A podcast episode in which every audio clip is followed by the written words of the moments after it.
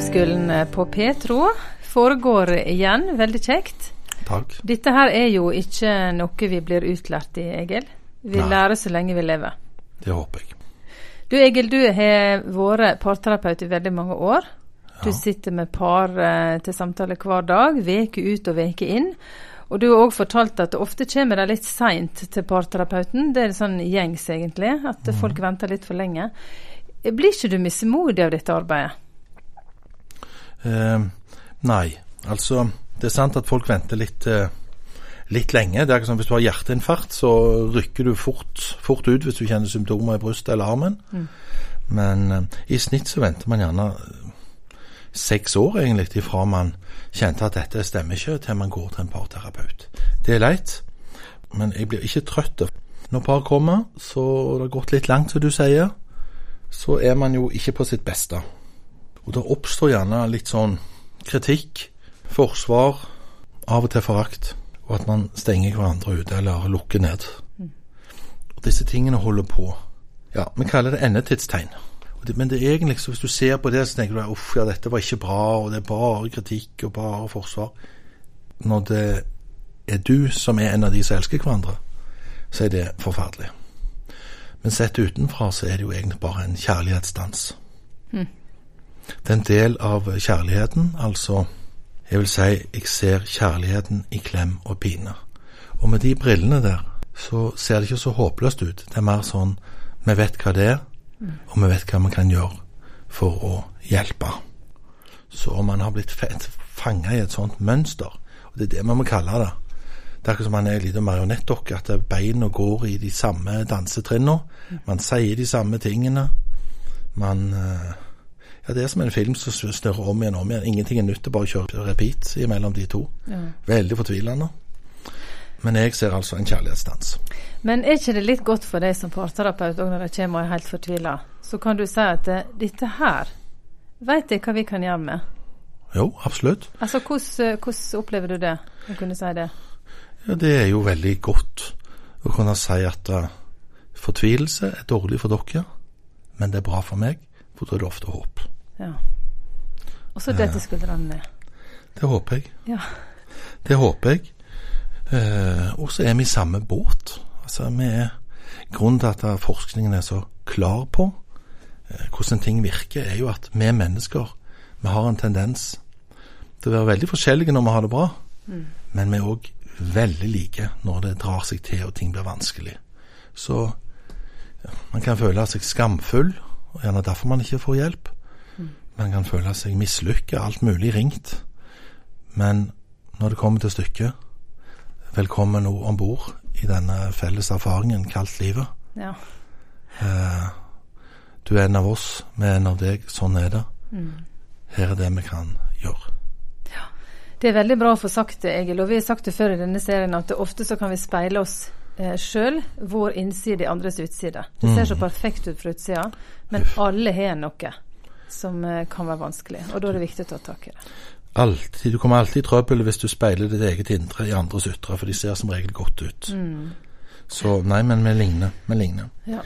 Så det vi må se på i dag, tenkte jeg, det var jo at eh, når kjærligheten er i klem og pine, og dette og Hvis vi skal forstå hvordan vi skal få det bedre eh, i kontakten, hvordan vi skal få det tryggere i kontakten mellom to, for det er et eget mål. Det er målet. Få det tryggere i kontakten mellom de to. Det er livets mål. Få det tryggere i kontakten mellom de to. Men vi må se på noe som er endetidstegn, og det er forferdelige saker som er veldig ødeleggende. Og jeg vil gjerne begynne med én kritikk. Har du hørt om det? ja. Fortell. Hørt om kritikk? Ja. Ja. Nei, det er når du kritiserer den andre. Og Yes. mener at du egentlig er bedre. Det er budskapet, ja. Samme hvilken stemme man har, det er psykologstemme, prestestemme, samme hvilken stemme man har. Beskjeden er du er feilen. Hvis du var annerledes, så hadde vi hatt det bra.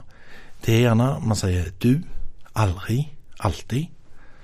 Og på Jæren så er det mange forskjellige dialekter som det ofte kommer sammen med. og Det er sånn tytte, totte, syns, meine, uenig. Noe som får det høres ut som en diskusjon når vi egentlig snakker om følelser. Veldig uheldig. Så det er du er feilen.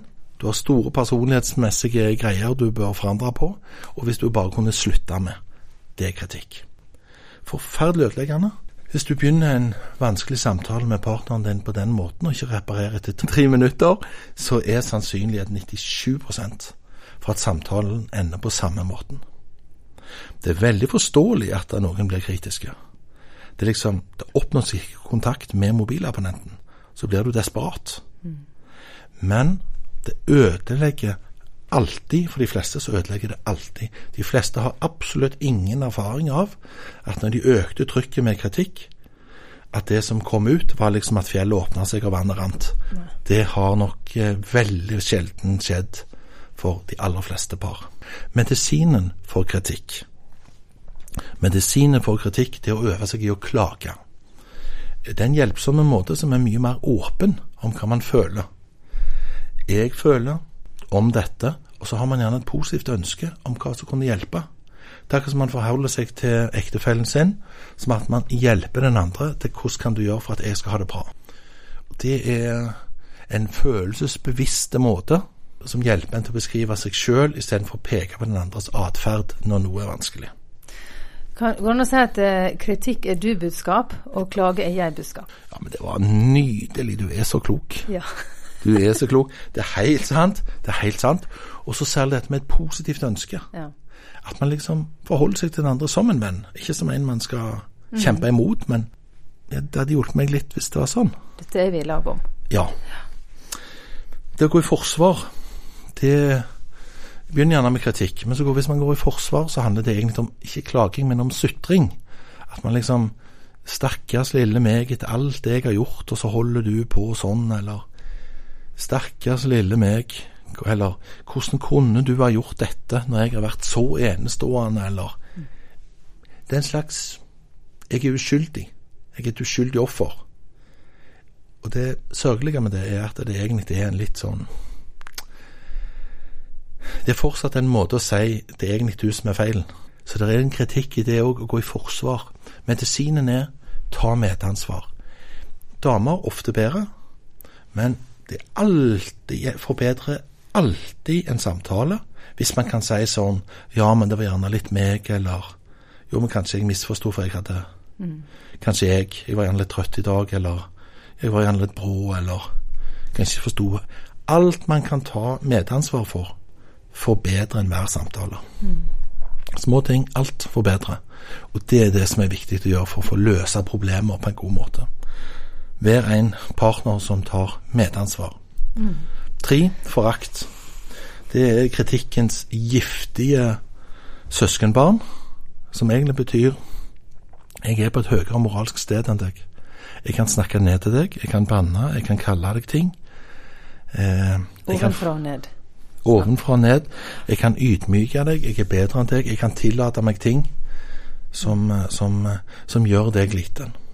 Og det har jo Bibelen ord for. Om dette å slå i hjel hjertet. Mm. Å slå i hjel hjertet. Og faktisk så er det sånn at hvis det er forakt i et parforhold, så vil antallet infeksjonssykdommer i løpet av et år være større. Man blir syk av å erfare forakt. Mm. Og i gode forhold altså finnes det alle slags endetidstegn fra tid til annen, men det finnes aldri forakt i gode forhold. Det er akkurat som det vet man at det må man ikke gjøre. Det å få inn siste støtet, på en måte, det kommer med en stor fare om at det blir brest i hele grunnmuren. Så det må man ikke gjøre. Og hvis man har dumma seg grovt ut, så må man reparere med en eneste gang.